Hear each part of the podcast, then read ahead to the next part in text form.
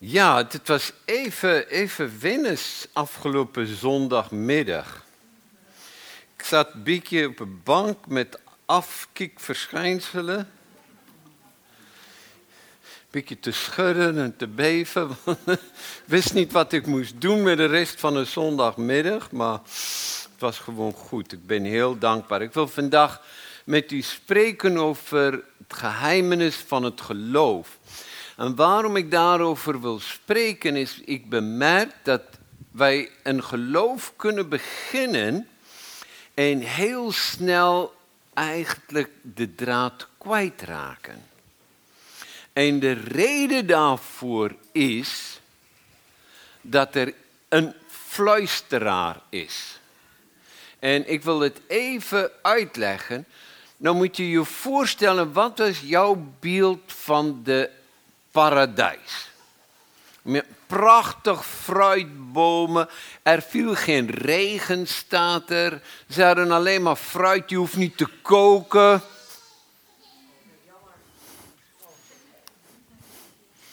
Nou ja, ja, dat is jammer. Maar goed, eh, God dacht dat het beter was dat ze dan alleen maar zou plukken. En de vrouwen niet al een aandacht en tijd aan het gekoken en het gerommel zou geven. Oh, het was een ideale wereld.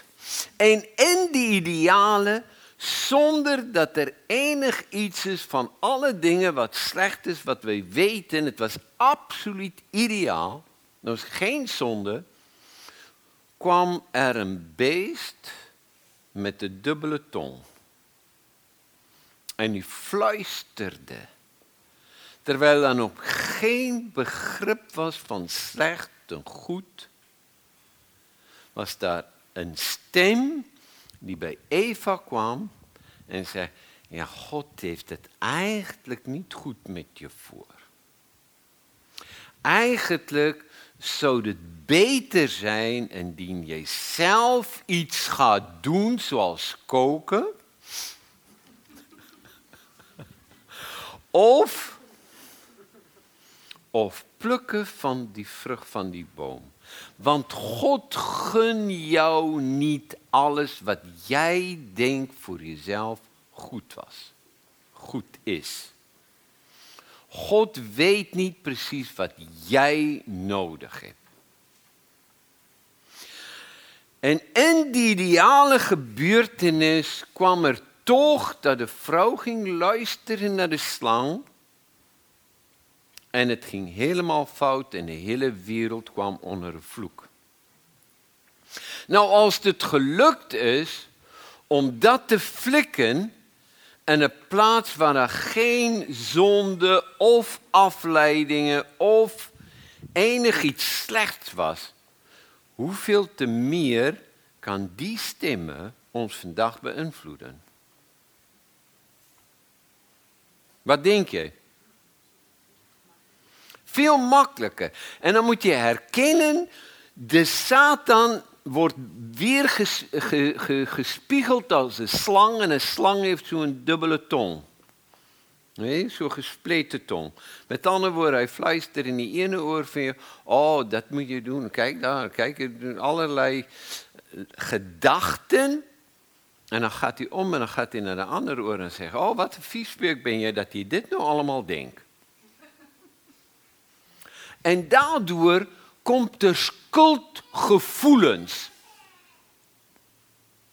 En schuldgevoelens komt niet van God. Dit breng je onder veroordeling. En daarom wil ik dat wij gaan kijken naar wat God zegt en wat is nou, wat maakt het christendom nou anders dan alle andere godsdiensten in de wereld.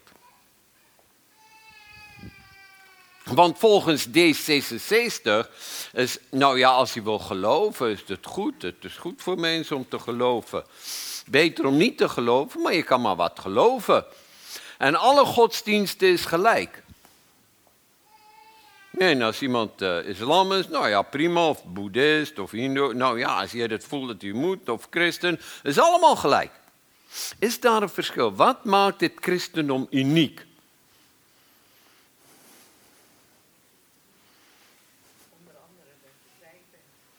Dat je vrij bent, onder andere.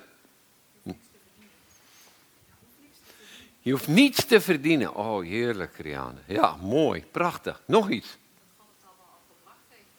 God heeft alles volbracht. Wat is de geheimenis waarover Paulus schrijft? En 1 Colossense 1 vers 27. Hij zegt, dit is het geheimenis, Christus in u, de hoop op heerlijkheid. Sommige vertalingen heeft het onder u, maar het het Griekse woordje en. En en betekent onder of iets, maar de geheimenis is dat God door zijn geest in ons komen wonen. En als die in je komt wonen, dan maakt hij je nieuwe schepsel en dan word je helemaal nieuw. Zo, wat is nou het doel van geloof en wat is nou het doel van bekering? Dit is om verlost te worden van je zonden, als kind van God te worden aangenemen. En het derde is te leven als vertegenwoordiger van de levende God van Jezus Christus op aarde. Hij heeft ons een voorbeeld achtergelaten, gelaten, opdat wij in zijn voetstappen gaan wandelen. Wat betekent christen? Christus, Jezus Christus. Wat betekent het woord Christus? Gezalfde. Waarom wordt hij een christen genoemd?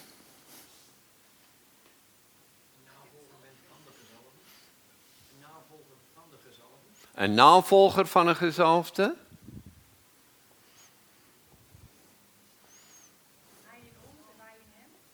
Wij, hij in ons en wij in hem, ja. Maar, maar wat betekent, waarom word jij een christen genoemd? Omdat je gezalfde bent, ja. Je bent ook een gezalfde. Zondag 12 van de Heidelbergse catechismus. Waarom wordt gij een christen genoemd?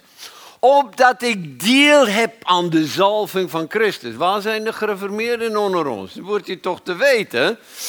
Ze hebben zoveel kennis, alleen ze leven niet daarna. Maar goed, je bent een christen omdat je deel hebt aan die zalving. En je bent een gelovige. En dat alles wat je doet in het leven, moet je dus doen vanuit dat geloof dat ik gerechtvaardigd ben. En lieve mensen, de gevaarlijkste ding om te doen is naar jezelf te kijken zonder het bloed van Jezus. Om naar je verleden te kijken zonder het bloed van Jezus of naar de toekomst te kijken zonder het bloed van Jezus. Want anders, anders kom je in een verleiding. En anders ga je in een oude denkpatroon. En anders raak je je zaligheid kwijt. En daarom is het zo belangrijk.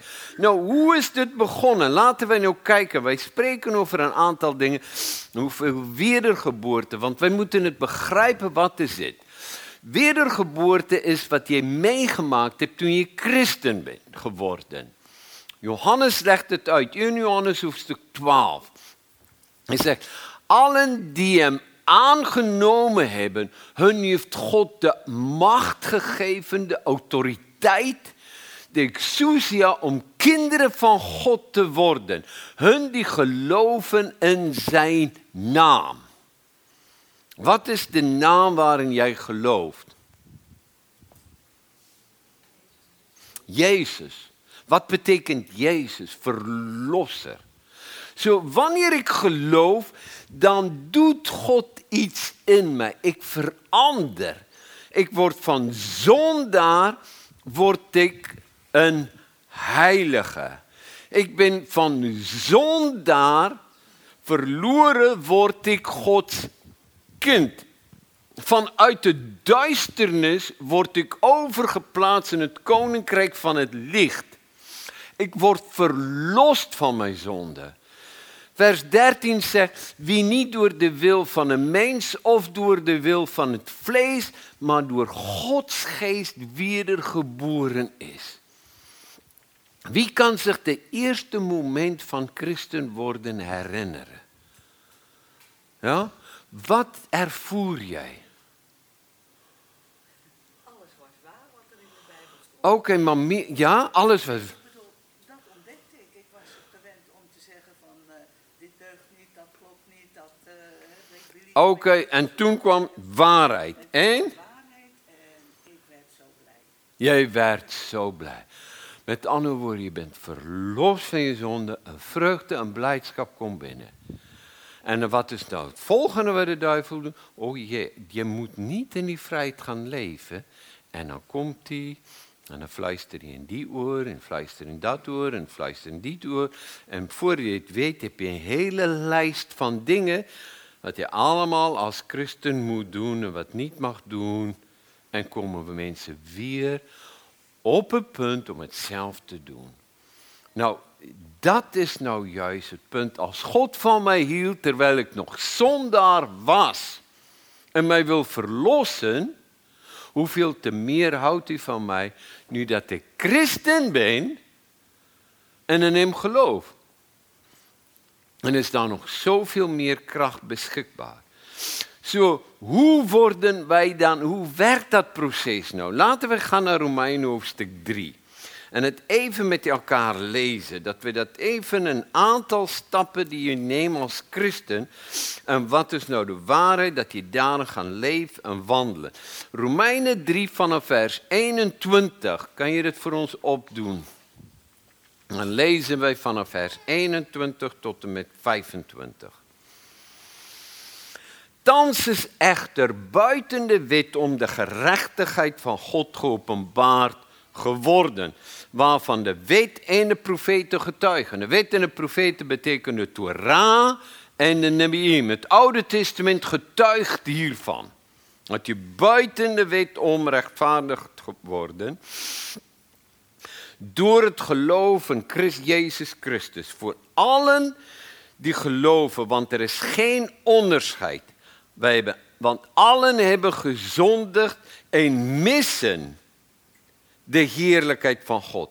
Maar worden om niet en gratis uit zijn genade gerechtvaardigd.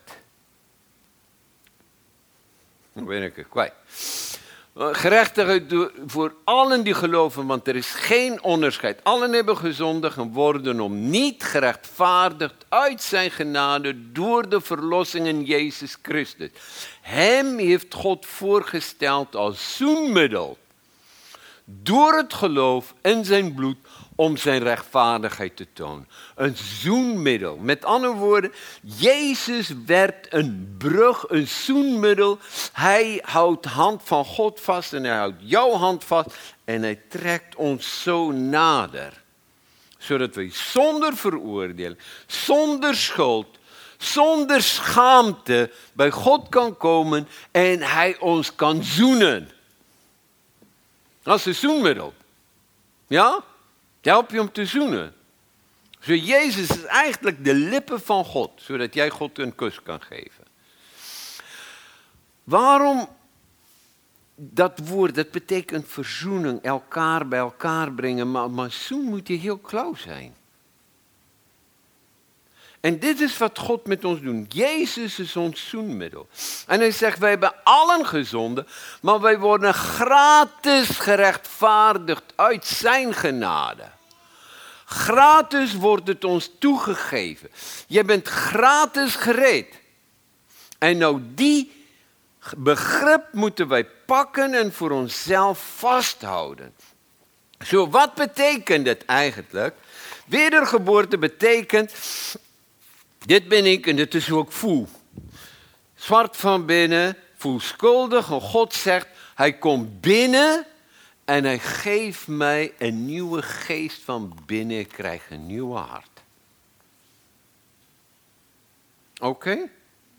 Ik ben overgeplaatst vanuit het rijk van de duisternis en het koninkrijk van het licht. Ik krijg een nieuwe DNA het DNA van het bloed van Jezus Christus. En ik word een nieuw familie. Een familie van eeuwigheid af. Ik ben verlost van Adam. Als de zonde door één man in de wereld binnengekomen is, hoeveel meer zal de gerechtvaardigheid ons in dit leven doen heersen door het koninkrijk van God? Nou, dat ben ik. Nou, oké, hoe werkt het nou? Dat beschrijft Paulus in 2 Korintiërs hoofdstuk 5, vanaf vers 17. 2 Korintiërs hoofdstuk 5 vanaf vers, vers 16 lezen wij. Kan je dat opdoen, uh, Martijn? Anders je, val je toch slapen, en slapen achter de, de beamer en dan blijf je zo lekker wakker. Flauw van mij, hij doet het niet. Zo kennen wij dan van nu, nu aan niemand meer naar het vlees. Wij hebben Christus ook niet gekend toen hij op aarde leefde. En dit is wat de Bijbel zegt. Als je iemand naar het vlees kent, met andere woorden, zonder het bloed van Christus gaan kijken, dan kom je in de verleiding. Zo is dan wie in Christus is een nieuwe schepping. Het oude is voorbijgekomen, het nieuwe is van God. Het oude is voorbij gegaan en het nieuwe is gekomen. En het is alles uit God die door Christus ons met zich verzoend heeft. Daar komt het weer terug. En onze bediening van verzoening heeft gegeven. Zo wij moeten als Christus gaan leven op aarde. En het bestaat hierin dat God en Christus de wereld met zichzelf verzoenende was door hun, hun overtredingen niet meer toe te rekenen. Met andere woorden, God zit niet te vinken. En iedere keer als je zonde gedaan heeft, oh, joh, hebben eens, dat heb je niet gedaan, dat heb je niet gedaan, dat heb je niet gedaan, dat heb je niet gedaan. En dat is het beeld die heel veel mensen hebben van God. Dat is het beeld van de alziende oog, dat is niet christelijk. Dat God kijkt en niet durft. Oh, dat heb je weer van fout gedaan en dat heb je fout. Dat is dit niet. God rekent niet. Hij zit niet te tellen, het was één keer, twee keer, drie keer, vier keer, vijf keer, zes keer. Jij hebt het overtreden, zoveel maar. De duivel doet het wel. Maar God rekent ons die zonde niet toe. En hij zegt, wij zijn gezanten als van God. Door onze mond vermaan, een naam van Christus laat u met God verzoenen. En dan zegt u, hoe werkt het nou? Wat is dit? Hij die geen zonde gekend heeft, heeft God voor ons tot zonde gemaakt, opdat wij zouden worden de gerechtigheid Gods in hem. En als je nou je Bijbel bij je hebt, dan moet je dat gaan veranderen, die woorden. En ik wil het illustreren. Mag ik jou vragen om hier, bij mij te komen staan? Haha. Ja, lekker. Goed. Oh, wat ik wil, aan jou wil tonen is hoe dit werkt. Ik ga me even als Christus aan je tonen. Goed. Kijk.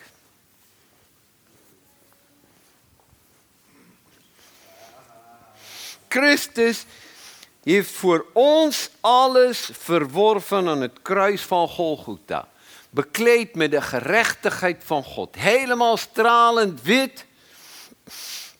En wat deed hij? Hij neemt zijn gerechtigheid en hij legt het op ons.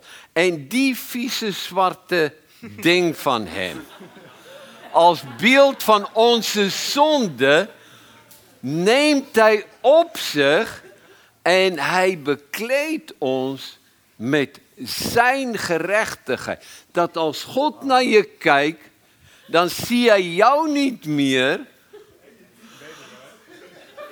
maar hij ziet Christus. En dit is wat daar staat. Met andere woorden, Christus werd zonde voor ons, opdat wij de gerechtigheid van God worden. Zo wanneer God naar jou kijkt, dan zegt hij niet, oh, ik zie je hebt alweer dingen gedaan. Nee, Christus dan voor ons en hij pleit voor ons.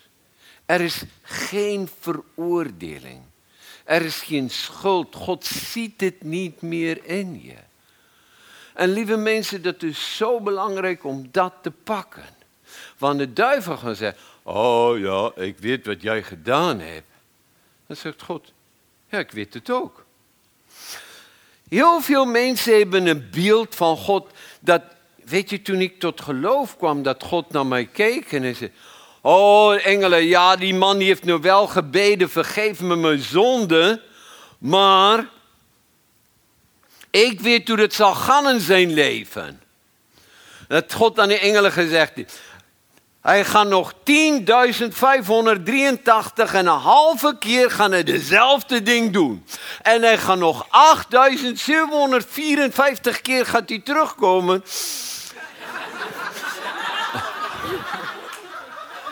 Gaat hij terugkomen en weer voor dezelfde zonde vergeving vragen. Dat is niet wat hij gezegd heeft. Want God kent het einde vanaf het begin. En hij kijkt naar je alsof je nooit gezondigd had. Hij rekent, als hij dit weer wil terugzetten, hij rekent ons die zonde niet toe. De overtredingen rekent hij niet toe. Maar wat heeft hij nog meer gedaan? Gaan we naar het Oude Testament. Ezekiel hoofdstuk 36, dan zegt hij, hij zal het hart van steen uit ons binnenste weghalen. Ja? En hij zal ons een hart van vlees geven. Eens zijn geest in je binnenste om te doen wat hem behaagt. Nou, hoe kijk je naar jezelf? Dank u wel, nu mag je gaan zitten.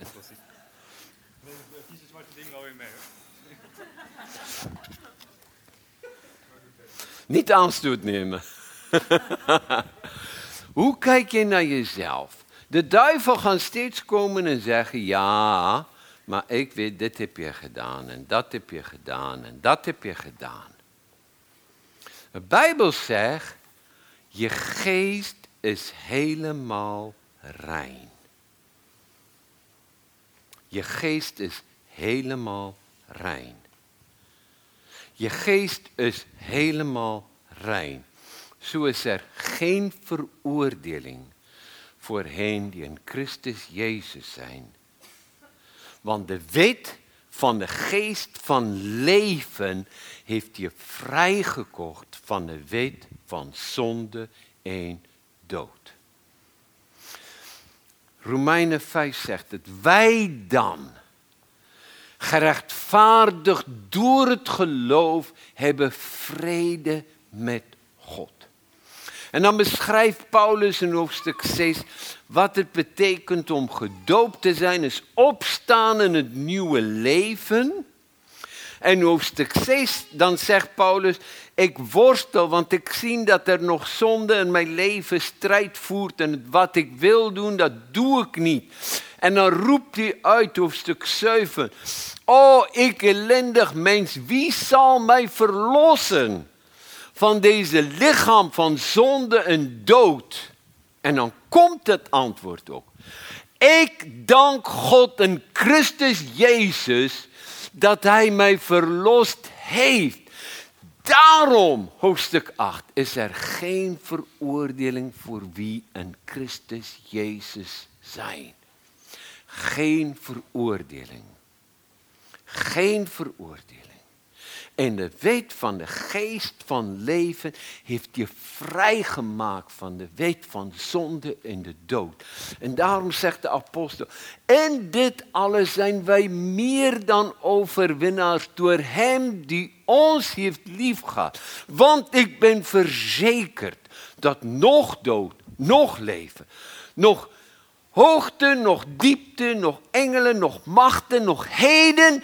of alles wat ek in die toekoms kan doen my ooit kan skei van die liefde van God in Christus Jesus.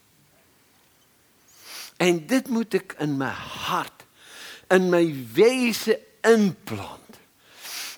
En konstant sal ek hieroor aangevalle word. Fluister in die oor, "O, oh, moet jy kyk wat 'n stokkie. O, oh, wat 'n meid. O, oh, En in die, oh, wat een viespeek ben je. Wat heb je nog gedacht?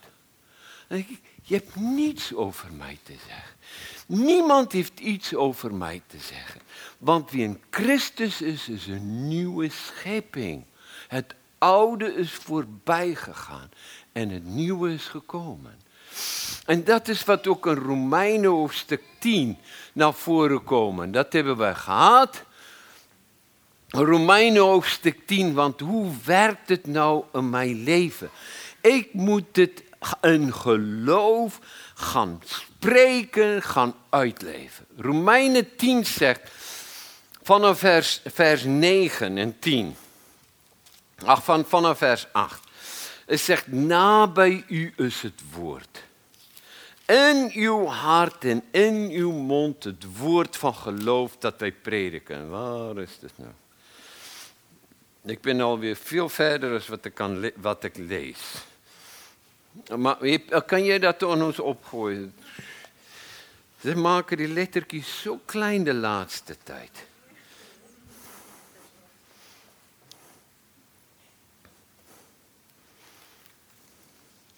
Ook gewoon kan het niet zien. Ik zit in Romeinen 8 nog steeds. Vanaf vers 8. Het zegt, maar wat zeg je? Nabij u is het woord, in uw mond en in uw hart, namelijk het woord van geloof dat wij prediken. Want indien je met je mond beleidt dat Jezus Heer is en met je hart gelooft dat God hem uit de doden heeft opgewekt, zal je behouden worden. Want met het hart gelooft men tot gerechtigheid en met de mond beleiden wij tot behoudenis of reding. Zo, wat spreek ik? En dit is het rechtvaardige zal uit het geloof leven. Is een kracht tot behoudenis. Maar als ik ga praten en zeg, oh weet je, ik weet niet hoe het komt. Oh, ik heb niet een goed gevoel over dit vandaag. Oh, weet je, poeh, uh, het is alweer zo'n uh, trieste, grijze, grauwe dag. Ja, oh ja, je kan heel makkelijk een ongeluk maken met dit weer. Wat doe ik dan? Ouderdom komt met gebreken. Jongens, kleine kinderen, kleine problemen. Grote kinderen, grote problemen. Geld rolt altijd. Wie, ken jullie die uitdrukkingen? Van wie komt die uitdrukking, denk je? Is dit je beleidenis? Kleine kringen, kleine kinderen, kleine eh, problemen. Grote kinderen, grote vreugde. Ja. En, en echt het gaan omkeren, want je beleidnis van je woorden zijn zo belangrijk. Met je hart geloof je en met je mond beleid je. Ik wandel en ik spreek een geloof. En ik wandel en ik spreek dit wat God over mij gezegd heeft, al ben ik er nog niet. En dat is de getuigenis van heel het Oude Testament. Ik leef niet op dit moment, maar ik moet leven in het geloof. En een geloof spreekt wat je nog niet ziet of voelt. Want je kan je gevoelens niet vertrouwen. Ik heb zo vaak heb ik pastoraat gedaan, zit ik bij echtparen en dan heb ik de drie pannetjes test gedaan. Dat vond ik er wel altijd leuk, dat er een keuken was en dat ik drie pannetjes uit de keuken zo op het aanrecht kan doen. Jullie kennen toch het drie pannetjes test, of niet? Nog nooit van gehoord. Je neemt een pannetje met ijskoud water, klontjes ijs. Daar, nee. Ja, klontjes ijs daarin. En je neemt een pannetje met heel warm water dat je hand net, net in kan doen. En dan neem je een pannetje met lauw water. En je zit dat in het midden. En dan laat je de echtparen met een beide handen zo in het water zitten. Zo ongeveer een paar minuten in die lauw water. En dan doen ze, nee, ik jok. Pannetje, ze beginnen en ze doen hun handen in een koude water en in een hele warme water.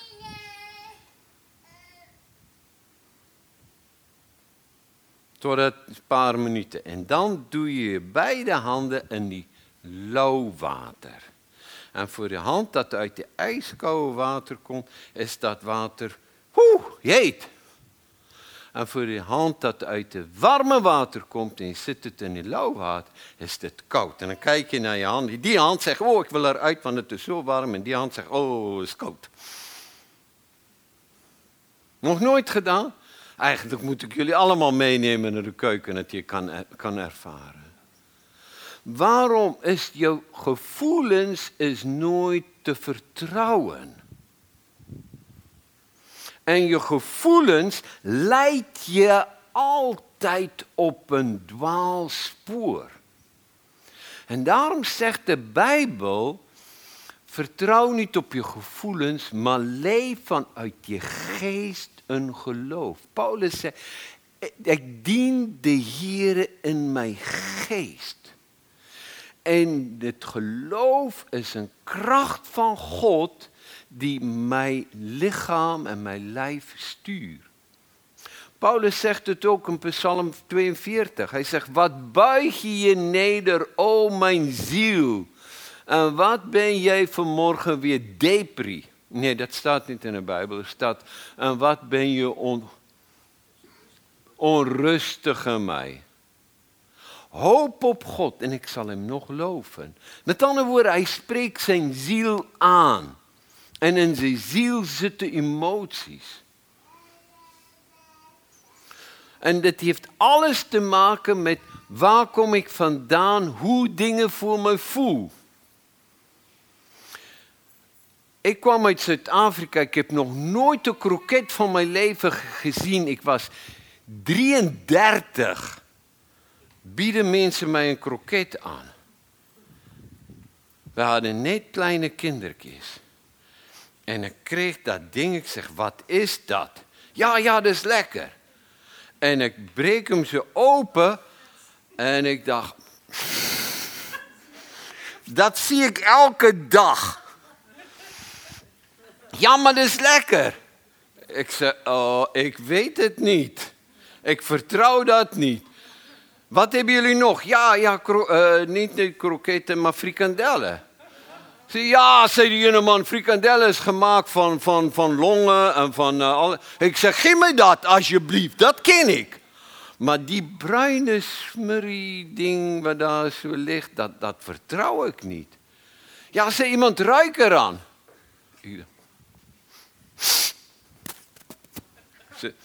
Weet je wat ik daarmee zal doen? Ik zal zo lekker dichtvouwen en wegdoen. Ik kon het niet vertrouwen. Ja, smeer wat mosterd erover. Ik zeg, ja, mosterd bedekt enig iets. Nou, is dit reëel om zo te denken? Huh? Uh, amper. maar ik eet veel eerder een frikandel. Ja, natuurlijk, daar zitten allemaal dingen in wat ik ken.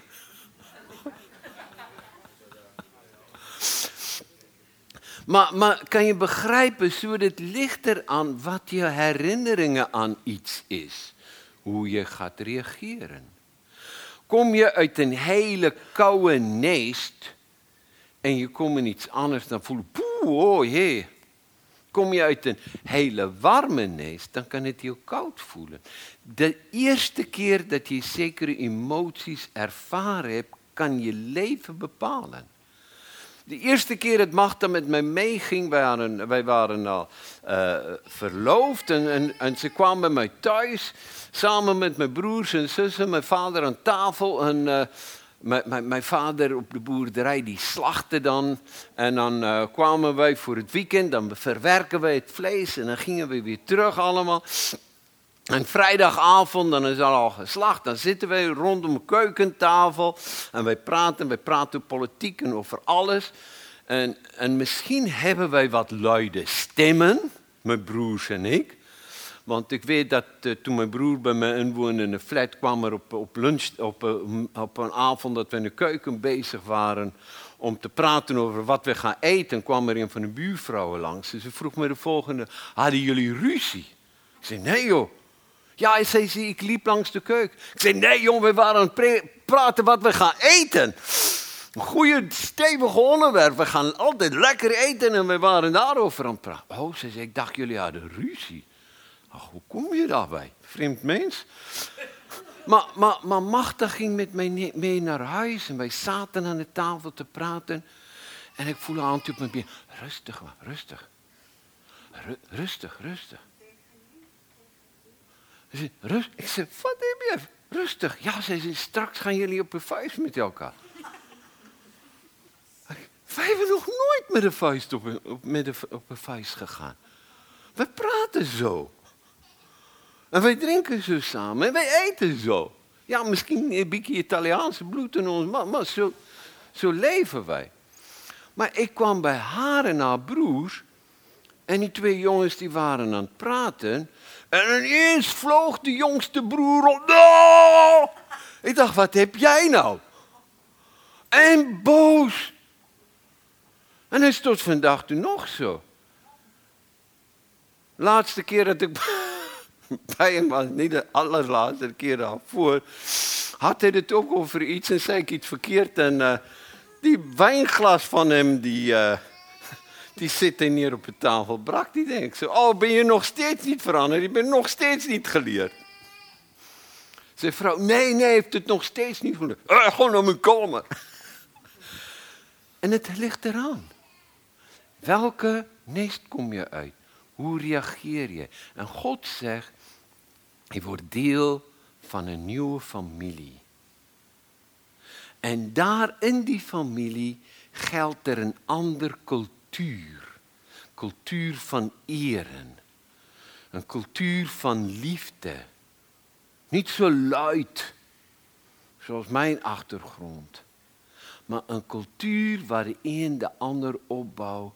En wat, wat de eer gegeven worden aan allemaal. En dat zie je in de hemel. Als je leest in openbaring, dan zingen de engelen. En ze zingen en ze prijzen God op zijn troon. En ze zingen over het lam en ze prijzen het lam. En in dezelfde adem dat ze de, het lam van God prijzen en loven. En openbaring hoofdstuk 5 zingen ze en ze zegt, en hij heeft voor God gekocht uit elke volk en stam en taal en natie. Mensen als een koninkrijk voor God. En zingen de engelen over jou en mij ook. En God kijkt naar je door het bloed van Jezus Christus.